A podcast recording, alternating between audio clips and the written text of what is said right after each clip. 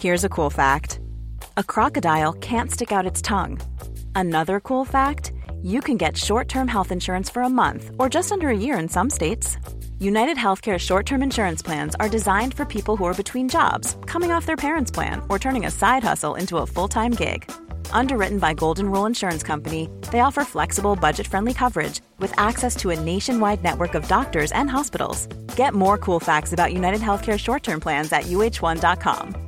Hey Dave, Yeah, Randy. since we founded Bombus, we've always said our socks, underwear, and t shirts are super soft. Any new ideas? Maybe sublimely soft. Or disgustingly cozy? Wait, what? I got it. Bombus. Absurdly comfortable essentials for yourself And for those facing homelessness. because one purchased equals one donated. Wow, did we just write an ad?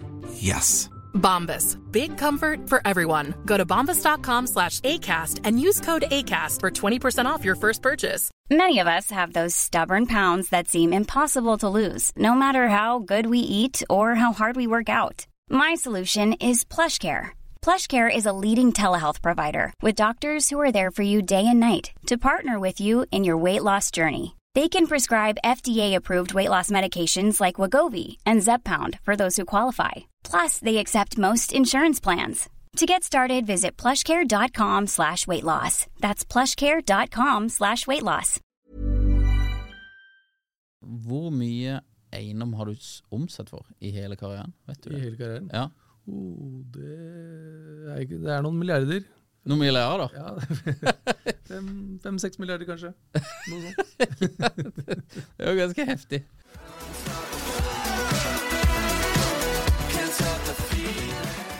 Alright, da er vi tilbake med en ny episode av Impressions Pod. Og i dag har vi med oss Hans Hauland. Velkommen til oss. Takk for det. 42 år fra Oslo, og en av de desidert beste meglerne i Norge. Og kanskje en av de som selger de største og fineste boligene. Ja, det var veldig hyggelig sagt, da. Ja, du er iallfall en av de som selger de største og fineste, er du ikke det? Ja da. Jeg har solgt eh, ganske mye dyre boliger de siste årene. Ja, for du holder deg Du jobber jo i DNB, men du holder deg på en måte i toppen av eiendomsmarkedet, må vi jo si. eh, For det er jo toppen i Oslo, og det er jo toppen av Norge, holdt jeg på å si. Iallfall prismessig. Ja. Så eh, hva, hva er en vanlig bolig du selger? Snittboligen kanskje 20-25 millioner eller noe sånt nå, Ja, vil jeg tippe. på Oslo vest? Eh, Ja. Mye. Eller overalt i Oslo, egentlig. Det er Ja. ikke noe sånn ett område. Det er mer type kunde, type bolig. Ja. Og så må man velge litt uh, hvordan man skal jobbe, hvis man vil jobbe i det øvrige segmentet. Mm. For du kan ikke ha masse små boliger som du selger, og skal ha fire-fem visninger hver helg. Mm. Og i tillegg uh, jeg si, holde på med en krevende kundegruppe, Mm. som krever en helt annen form for oppfølging og tilstedeværelse. Enn eh, enn de som holder med finn.no og smekker rett ut. Ja, for er, hvor mye forskjell er det på å selge en treroms på Løren kontra en eh, Jeg vet ikke hvor mange rom du har, men en bolig til 25 mil på Oslo vest? Nei, Det kommer helt an på. Det er boliger til 25 som selger seg selv også. Mm. Men jeg velger å tro at uh, har du riktig megler på saken, så får du kanskje potensialet ut av den boligen du skal selge bedre enn om du hadde gjort det selv. da. Ja. Mens en eh, bolig til tre tre millioner på Løren, som du enkelt kan sammenligne eh, objektet med naboen og alle de gårdene som ligger rundt, og statistikken ligger der, så er det nok eh, flere som kan selge den og oppnå samme pris. Ja, for det er jo litt eh, mange av disse her som ligger 25, eh, 30, 35.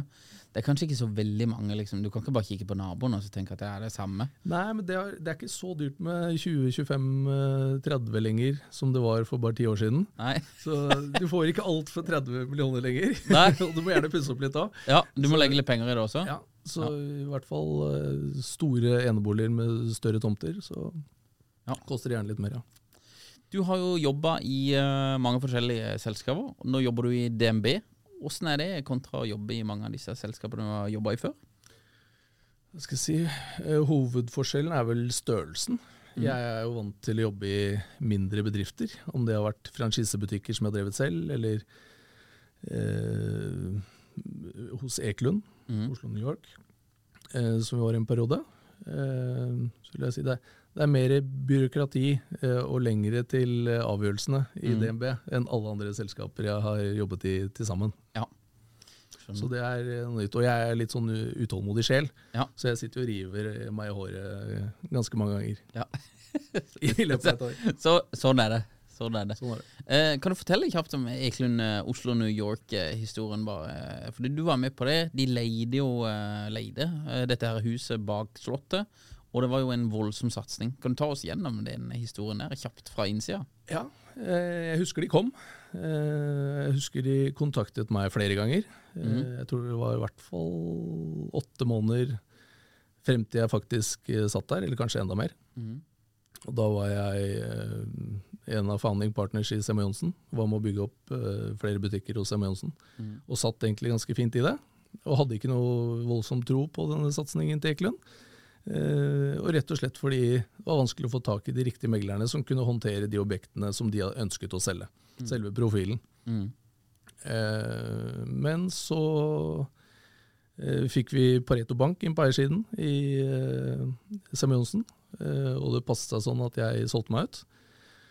Og da sa jeg til Fredrik at eh, hvis du satser på meg, så skal jeg satse på deg. du tjener ikke så mye penger på meg, men eh, jeg skal sørge for at eh, firmaet ditt flyr, og vi får eh, Kall de rette objektene og de største salgene. Mm. Så det første salget jeg gjorde i Ekelund Oslo New York, det var et hus på 75 millioner. Ja. Og da var det litt sånn wow, og det var ikke vanlig med å selge hus til 75 millioner på den tiden. Det er jo ikke det nå heller, det er ikke så mange av de. Men eh, etter det så kom jo halve Holmenkollen og trodde husene var verdt eh, like mye. og det var det jo ikke. eh, og vi fikk til eh, mange gode dealer og hadde veldig vel i prosent ganske eh, eh, stor jafs av det markedet på toppen. Ja. ja det det, det, for det, Eklund Oslo Oslo New York, det er jo high high end. Det, er helt toppen av boligmarkedet. eh, du kan si de var her i tolv måneder pluss, Ja. eh, et år, eh, før det ble, ble lagt ned. Det var nok omsetning der. Mm. Eh, og de hadde ikke måttet gå inn med mye penger før eh, vi kunne drevet videre. Mm. Men de kom til et punkt hvor de måtte ta et valg. Skal vi inn med mer penger, eller eh, skal vi ikke? Eh, og da kom vi frem til at vi skulle gjøre en franchise av Eller jeg, jeg gjorde en avtale med Fredrik om å drive det videre eh, som en franchise. Og vi hadde gjort alt klart, men da var det jo en del av disse som satt på gode lønner, litt for gode lønner, eh, som ville være med videre, som vi ikke hadde så lyst til å ha med videre. Som sa at hvis ikke vi får være med, så skal ikke dere få lov heller. Nei, Så da ble det lagt ned. da ble det lagt ned. Så da var det stopp. Kort og greit. Så kommersielt, supersuksess. Ja. Eh, mens i kroner og øre så gikk det ikke rundt. Nei. Når, når eh, dette legger ned, da, eh, hvem overtar det markedet som dere hadde? Nei, vi, vi la jo ikke ned, vi. Selv Nei. om firmaet Ekelund Oslo New York eh, la ned. Ja. Så var jo på en måte samme meglere som håndterer de samme objektene i dag. Ja, ok. Men vi ble Eller hva skal jeg si? Torbjørn Eek og jeg ble vel egentlig tvangsgiftet den dagen. Ja. Og som alle tvangsekteskap, så var ikke det så lurt. Nei. Sånn er det. Sånn er det. sånn er det av og til. Du, er, du opererer jo i toppen. Hva er, det, hva er det dyreste objektet du har solgt noen gang? Ja, Det er den fra Ekelund eh, på 75 millioner. Ja. Solgt mye mellom eh, 50 og 75, men så holder jeg på med en, eller to til 100 millioner nå. Så får vi se når de lander, og om de lander. Mm. Men det er ikke veldig mye omsetning mellom 50 og 100 millioner kroner i Norge enda. Eh, men det kommer nok til å bli mye mer de neste ti årene enn det har vært de ti foregående årene. Hvorfor tror du det? Nei, Det er mange flere som har blitt rike, og ordentlig rike. Mm. Eh, og i tillegg så har det ikke blitt bygget for den målgruppen. Nei. Nei, for det, det, det bygges jo det, det eneste jeg klarer å se i alle fall av den type greier, det er jo det er noen ute i hagen til den kanadiske ambassaden på Bygdøy, liksom. Det tre-fire Ja, det, Du har noen leilighetskomplekser rundt omkring, også Tjuvholmen og deler av Bjørvika og, og andre oppover Grimlundshaugen. Og, Ja. Men det er fortsatt ikke nok Nei. i forhold til den eh, hva skal jeg si, Veksten av rikinger. veksten av rikinger som eh, har kommet nå. Ja. Og mye i løpet av karrieren, du er jo 42 år, eh, hvor mye eiendom har du omsett omsatt for i hele karrieren? Vet du I hele karrieren. Ja. Oh, det, er, det er noen milliarder. Noen milliarder, da? Ja, Fem-seks milliarder, kanskje. Noe sånt. Det er jo ganske heftig. Det er jo ganske heftig, altså. Nei, det flytter seg boliger um, um, Hvis du hadde hatt et boligbudsjett på 100 millioner og skulle kjøpt deg en bolig, uh, helst i Oslo, hvor hadde du kjøpt deg en bolig da? Med det skattetrykket som er nå, kanskje jeg ikke hadde kjøpt i Oslo i det hele tatt. Nei, det er jo et svar. Hvis jeg måtte kjøpt i Oslo ja. Jeg kunne bodd flere steder. Jeg Ja. kunne bodd alt fra Bjørvika, som jeg bor nå, som jeg syns er helt topp. Ja. Eh, grunnet min situasjon og hvor mine barn er, og ekskone og flowen i hverdagen. Mm. Kunne bodd på Bygdøy med strandlinje, men selv det er vanskelig til 100 millioner eh, nå. Ja. Eh, får nok ikke tak i for 100. Nei. Eh, eller eh, Frogner. Mm. Ja. Snarere, ja. Nei, det er Nei. ikke min greie. Nei. Hva, hva er det som ikke gjør det til din greie? Snarøya? Ja. Nei, jeg har ikke noe tilhørighet uh, der ute. Og så syns jeg hvis jeg må velge mellom Snarøya og Bygdøy, så syns jeg Bygdøy er nærmere byen. Ja. Uh, og så kjenner jeg flere på Bygdøy enn jeg gjør på Snarøya. Så Det er, personlig preferanse. ja, personlig preferanse. Men det er fint på Snarøya. Ja. Eh, prisene i Oslo, eh, vi ser jo det at eh, nybyggsalget, det går jo rett nedover. Eh, nå er jo dette her i media, så det kan være media hyper det litt ekstra opp. Det, det skjer jo ofte. Hvor, eh, men det går rett nedover. Hvordan tror du dette kommer til å påvirke prisene, spesielt i Oslo? Og hvor tror du prisene i Oslo skal videre nå? Jeg tror akkurat Når det gjelder nybygg, så har vi fått så mange shockers på rekke og rad. Mhm. eh, når det gjelder hva ting koster, også for utviklerne. Én ting er at de har kjøpt tomter for en stund siden for én pris. Og så går det å bygge bolig går opp med 20-30 Mm. Alt av materialer og arbeidskraft blir dyrere, og strøm blir dyrere, og finansiering blir dyrere. Mm. Så er det jo sånn at utbyggerne de er jo ikke eh, så veldig lystne på å gjennomføre prosjekter som ikke er startet, hvis de ikke ser at det er noe penger der. Nei. Eh, og da holder de tilbake. Så mm. det er en del prosjekter som ligger rundt omkring på vent nå, mm. som skal ut på et eller annet tidspunkt. Men så må jo markedet må jo venne seg til dette nye sjokket, prissjokket. Mm. Eh, og så er det brukt som må komme opp først, og brukt har holdt seg veldig bra. Eh, er overraskende bra, syns jeg. Ja. Eh, og på et eller annet tidspunkt så løsner det for nyboligmarkedet også. Og jeg tror nå utover våren så kommer det til å være mye mer nyboligsalg i forhold til eh, sist halvår. ja, i Oslo. Ja, i hvert fall i Oslo. Mm. Hva tror du om prisene? Jeg ser jo det i avisa at de mener jo at eh, dette her holdes igjen, og det, det selges lite nybolig og sånn og sånn, og det kommer til å eh, gjøre at det blir en ketsjup-effekt i 24 og 25, da, at prisene kommer til å to Ja, jeg tror det er litt overdrevent. Ja. Jeg tror prisene kommer til å holde seg stabile, og så har de ikke falt mer nå på de nyhetene og de parameterne som er endret. Så tror jeg vi kommer til å ri gjennom stormen ganske greit. Mm. Og så spørs det jo om eh, prissjokket dempes og om rentene kommer ned på et eller annet tidspunkt. Mm. Og så fort rentene snur andre veien, da er det hurra meg rundt igjen. Ja. Det er jeg ganske sikker på. Når skjer det? Vanskelig å si, men jeg tror, eh, jeg tror denne våren her blir ganske bra omsetningsmessig. Ja. Og så tror jeg vi kan få en litt roligere høst. Og så tror jeg i løpet av 24 at vi får et sånt ordentlig trykk igjen. For Ja. det er i hvert fall på gode objekter. Det er for lite gode objekter i forhold til eh, de som har lyst til å kjøpe det. Mm. Så du tror, men du tror renta skal nedover? Eh, På et eller annet tidspunkt, ja. ja. Selv om det er eh, lavt historisk sett, så tror jeg rett og slett ikke Norge er ikke bygd for 3,5? Gjelds-Norge er bygd for eh, noe særlig høyere renter. Ola Nordmann tåler ikke 3,5% Nei, det tåler nok en stund, men eh, holder vi det lenge nok, så skal du se at folk stopper å shoppe. Ja. Så du tror det, det biter etter hvert? Ja. Det har begynt å bite for uh, familier nå også, Ja. men folk tilpasser seg og kutter ut andre ting for å holde på bolig. Det å spare i bolig er liksom en sånn mindset som nordmenn har. Så selv om uh, det skrikes ut i verden og det er sjokk på priser og det ene og det andre, så skal det ganske mye til før uh, Ola Nordmann selger boligen sin uh, med tap, eller til en pris uh, han selv syns er dårlig. Ja. Da tviholder du heller på den boligen. Så det er mer fritidsboliger går først. Ja.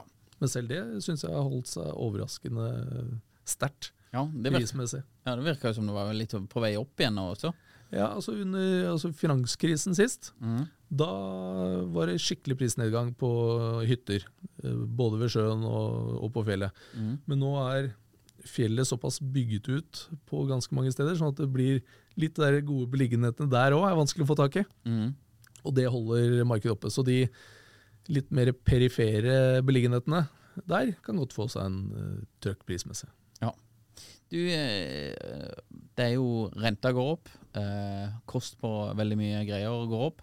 Men i tillegg så har vi jo fått eh, et vanvittig skattesjokk her. For de kjører jo opp skattene på all verdens greier her. Over en lapp sko! Det er jo bare å sitte og vente på mandagsmorgen og se hva som skjer, liksom. Her fyrer de ut noen nye skatter. Eh, med det skattetrykket, det, det her treffer jo Det er jo designa for å treffe de rikeste, og du opererer jo på en måte i eh, den høyere delen av markedet. Hvordan Vi ser jo at veldig mange flytter ut, til Sveits spesielt. Merker du det på prisene i ditt segment, eller på en måte eh, der hvor du opererer, at, mange rike flytter fra Norge? Mange rike flytter, Ja. men det er ikke allikevel alle som selger boligene sine her.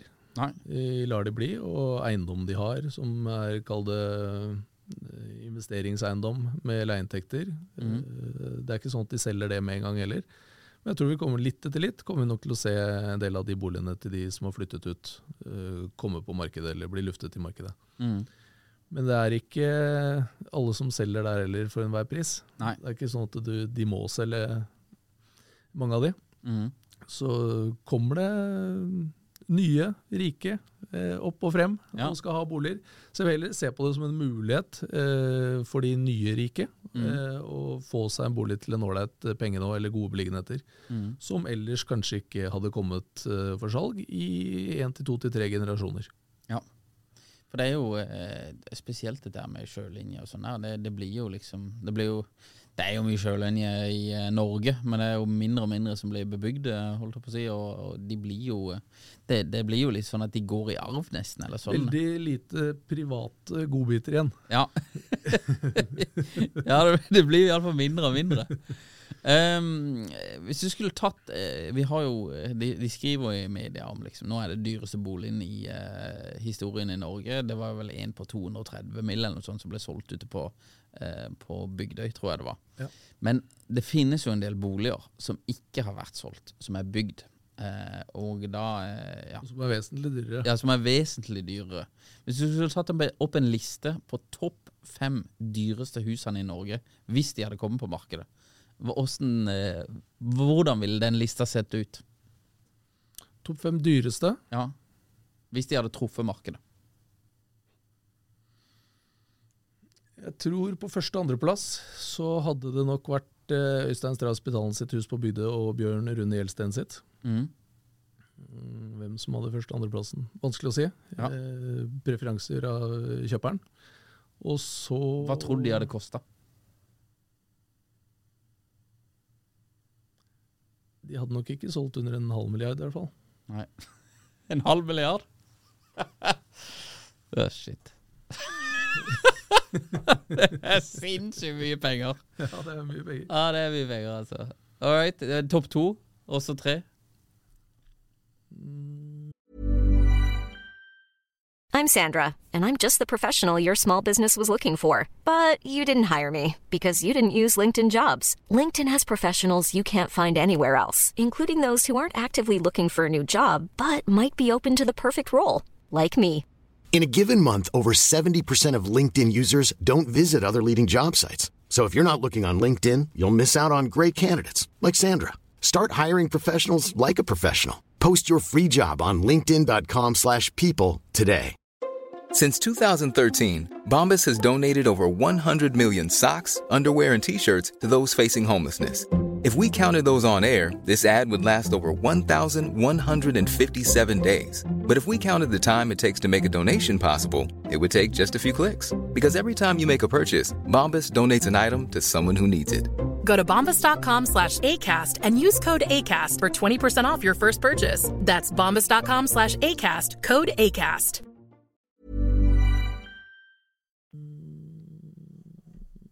Selv om den ligger rett utenfor Oslo, så sier vi Stor-Oslo, og så tar vi med Munkebakken. Mm. Munkebakken, hva er det? Hvor er det? Det er rett før eh, Fornebu og Snarøya.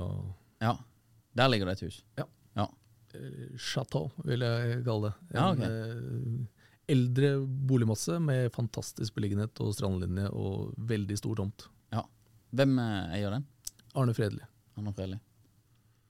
Så det er nummer tre, Det er nok nummer tre. og den er det godt for. Røkke sier han betalte 250, han sier selv han betalte 200 eh, den gangen. Eh, vanskelig å si. 350-400 millioner. Ja. Og fjerdeplass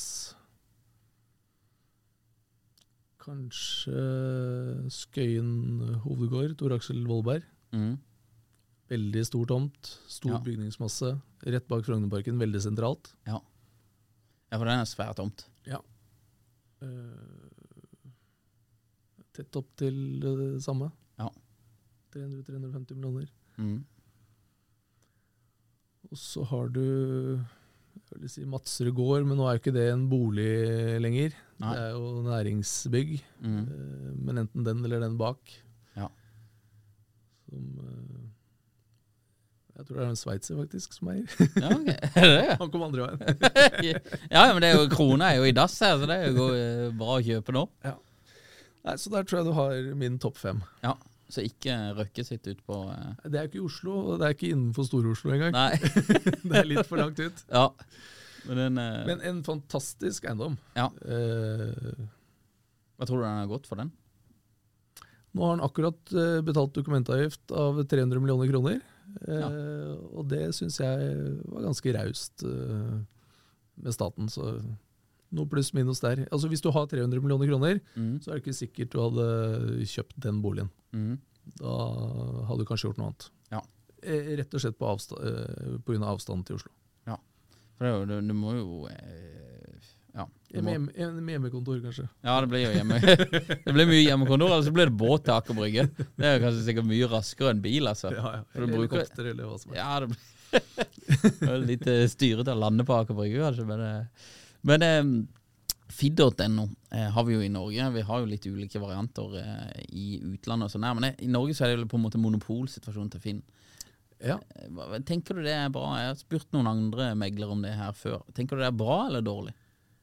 Det er bra på mange måter. Ja. Eh, Det gjør jo at vi har et veldig transparent boligmarked. Mm. For det meste som selges, det ligger jo der. Mm. Så alle som skal kjøpe bolig har full oversikt over hva som er til salgs til enhver tid. Stort sett. Mm. Uh, Og på den annen side, kanskje det er liksom nesten litt for transparent. Mm. Uh, Men jeg ser på det som en, egentlig en god ting. Du kan, altså hvis du skal gjøre en konkurrent til uh, Finn bare for å gjøre en konkurrent til Finn, så er det en liten vits, og det har ikke livets rett. Eh, Det må være som et tillegg til Finn. Mm. Altså d- typ eh, Finn jobb har man jo fortsatt, selv om LinkedIn har kommet. Mm. Men ikke sant? LinkedIn er et supplement eh, Mm. til fin jobb, Mm. ikke et likt produkt. Så det måtte nok vært litt mer i den sfæren der. Ja. Noe mer à la det Fredrik Ekelund har laget i, borti USA, Ja. som er i 34 land, og Real Messenger. Da har du liksom en helt annen interaksjon mellom kunde, boligeier og potensielle interessenter, som Mm. er litt mer sånn som vi vet ikke, jeg kommuniserer nå. Mm. Finn er jo litt traust og gammeldags eh, tankegang og tekken på det også. Er jo Mm. fra 99 med små Ja. forbedringer. Så, men når det er sagt, så er det jo ikke vanlig i Norge at meglere samarbeider om objekter. Mm. Eh, Og det har du i utlandet. I utlandet så har du 6% provisjon, stort sett. 5-6% I Norge så har du 1. 1-2% Og kun én megler. Ja. I, I det meste andre land utenfor Norden så har du to. Mm. Kommer med kjøper, og én har eh, selgersiden. Og så samarbeider de for å komme frem til en løsning. Mm. Så de syns det er helt håpløst at vi bare har én på én side. Ja. Eh, og hvis du spør megler i Norge om du skal samarbeide om eh, en bolig, selv om du deler provisjon, ikke faen. Det er alle svømmer innover Ja. av de jeg kjenner som dekker toppmarkedet. Så Ja. det, det, er ikke, det er ikke noe delingskultur i det hele tatt i det landet her. om det kommer til å bli det, om det tvinger seg frem etter hvert, eh, mulig. Ja, men det er jo veldig delingskultur eh, nede på Stortinget. Der skal jo alt eh, det skal Nei, skal ta fra det rike og dele til alle de andre. ja, men, Det er ikke delingskultur. Nei, det, det er kanskje ikke delingskultur. har fra kysten og gir iallfall det Nei. Det er sånn hvis, eh, hvis det var et fotballag, da, eh, Norge f.eks., Mm. og eh, Haaland hadde skåret masse mål i løpet av en sesong. Det er ikke sånn at vi hadde solgt han til Sveits uh, fordi han hadde skåret for mye. Nei. Det er litt det de gjør med de beste folka våre innenfor business. Mm. Har de gjort det for bra, så kan det like så godt flytte. Det er holdningen. Ja. Så den der misunnelseskulturen uh, som vi har på Stortinget og store deler av landet her, det er vel noe av det i Norge som jeg ikke liker. Mm. Ikke er fan av. Tror du det, men det, jeg tror det er destruktivt over tid for norsk næringsliv? Ja, absolutt. Mm. Selv om det kommer mange Hvem- nye rikinger. Hvem skal drive landet fremover når oljen uh, tar slutt? Hva gjør de da? Nei, da blir det jo kunstnere. Eller når oljen ikke er like poppis som den er nå. Ja. Eh, Vi skal ha den noen år. Ja. Ganske mange år. Ja, men det synker i popularitet. Det er sant. Hvis en eh, fyr med en bolig, eller ei dame med en bolig til 30 millioner kommer til deg og lurer på salg, hvilke råd vil du gitt til den personen nå? Ja, det spørs, For det første så spørs det hvilken type bolig, og så spørs det hvilken livssituasjon de er i. Mm. Er det sånn at de skal kjøpe seg noe større og bedre? Eh, skal de skilles? Eh, skal en kjøpe ut en annen? Eh, hvilken tid på året, avhengig av hvilken type bolig. Skal du selge noe til 30 millioner uten uteplass, så kan du kanskje gjøre det på vinteren, når det ikke er top of mind. Mm. Men hvis du har en flott hage, og gjerne nærheten av sjø, eller hva det skal være, så må du selge sommerhalvåret. Mm. Så viser det seg at eh, vårparten er alltid bedre enn høsten. Så jeg vil si enebolig i Norge, da har du fra april, mai og ut august, og så er det ganske stopp. Ja. Er, du, hvor, hvorfor er våren bedre enn høsten? Eller liksom Du selger inn i sesong, Ja. eh, og de som skal kjøpe boligene, de skal gjerne posisjonere seg for skole og barnehage og sånne ting. Mm. Eh, og da skal du ha det i visshet når den tid kommer, at nå har vi fått den boligen i det området vi skal være, i forhold til eh, skole og barnehage. Ja. Det er litt sent når det kommer til høsten. Mm. Da er det kanskje noen igjen av de som ikke fikk kjøpt, men du har ikke like mange eh, på visning som det du har eh, om våren. Mm. Filipstad brygge, blir den bygd snart? Jeg håper det. Ja. Eh, vi trenger boliger der etter hvert. Ja. Men de har jo brukt like lang tid på det eh, som Kina har brukt på å bygge ut hurtigtog i hele landet. Eh, på hvem som skal ta regningen på å legge Kall det motorveien i tunnel. ja. Så det er litt sånn Norge i et nøtteskall. da. Ja. Byråkrati. Byråkrati. Jeg sier ikke at Kina er noe bedre andre veien, men en liten middelvei der hadde nok vært eh, fint. Ja. For det blir jo ganske flott område når Ja, ja, det blir bygd. Sinnssykt fin beliggenhet. Ja. Jeg mener de burde tatt hele, hele strandlinjen bort til Bygdølokket Ja. og lagt uh, veien i tunnel hele veien. Mm. Jeg tror det er flere boligutviklere som har tilbudt det. Mm. Ton og Selvåg og mot å få tomtene på toppen. Mm. Men det har ikke vært vilje for det. Nei. Og så ser du hvor langt vi har kommet. Men det, de skriver jo om det at det bygges altfor lite i Oslo hele tida. Er det kommunene som eh, Er er sannheten at kommunene er bare for treige, eller hva, hva er liksom grunnen til dette her? De syns jo plan- og bygningsetaten var trege før covid. Mm. Eh, og under covid så var det jo testsenter der. Der var jeg blant annet eh, og fikk sprøyte. Mm. Eh, så kan du tenke deg når alle de dro på hjemmekontor i tillegg og skulle kommunisere seg imellom. Det går ikke fortere på andre siden da. Nei da, da går det treigere. Men det har, ikke, har det liksom tatt seg opp igjen nå etter covid? Det, Nei, det vil jeg ikke si. Nei, det har bare lagt seg på en lavere Ja. ja, det, går, det går ekstremt. De- de- Dette presser jo prisene oppover. Som alle andre statlige bedrifter, uansett hvor mange saker de får igjennom, så har de akkurat den samme lønna. Mm. Verken fra eller til. Er det bra med justerbar lønn? Jeg syns det. Ja.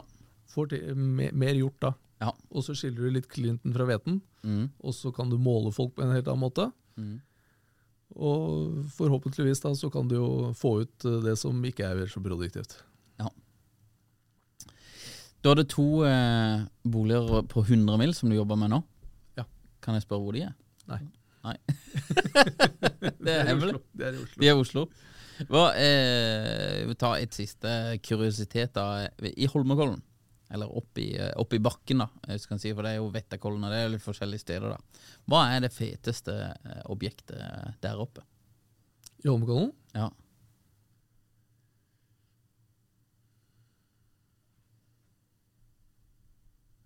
Eh, Jeg vet om et, men jeg har ikke lyst til å dele det. Nei. Av flere årsaker. Ja. Ok, da får ta en annen kuriositetsspørsmål før vi gir oss, da. Si at monarkiet fikk seg en knekk og ble avvikla, og Slottet skal selges. Hvor mye hadde Slottet gått for? Vanskelig å si. Når du står på Slottsplassen og teller eh, antall vinduer, så får du plass til eh, ganske mange eteroms. Ja. Eh, og det er vel det politikerne våre hadde gjort. Ja. Flere boliger til folket. ja. Nei, vanskelig å si. Det er jo en vanvittig svær tomt og boligmasse, og det, men eh, det er også Det koster jo mye å holde. Mm. Eh, Det er ikke snakk om noen usle fellesdrifter der, det er eh, vedlikeholdsbudsjett. Ja. Så det blir jo på mange måter også en omvendt cash cow. Mm. Eh, Nedover. det koster å bo nedover, ja. Så Men eh, To og en halv, tre milliarder pluss, tenker jeg nok. Ja. Såpass burde det være. Ja. Da hadde du kanskje fått uh, recoupa litt av utgiftene eh, som har kommet siste årene Ja. på monarkiet. Henta inn litt av utgiftene. Men vi har ikke noen meninger for eller imot monarkiet her på denne podkasten. Det skal jeg bare si. Det var bare en kuriositetsspørsmål. Så her, her er vi meningsfri. Uh, Hans, veldig trivelig å ha deg med. Takk for at du var med og delte. Takk for at du stilte. Og så ønsker vi deg lykke til med salget av eh, disse 200 millioners objektene. Og så satser vi på at renta går rakt nedover etter hvert. Takk for det, og takk for invitasjonen. Takk. Planning for your next trip? Elevate your travel style with Quince. Quince has all the jet setting essentials you'll want for your next getaway, like European linen, premium luggage options, buttery soft Italian leather bags, and so much more. And it's all priced at 50 to 80% less than similar brands. Plus, Quince only works with factories that use safe and ethical manufacturing practices. Pack your bags with high-quality essentials you'll be wearing for vacations to come with Quince. Go to quince.com slash trip for free shipping and 365-day returns. Planning for your next trip?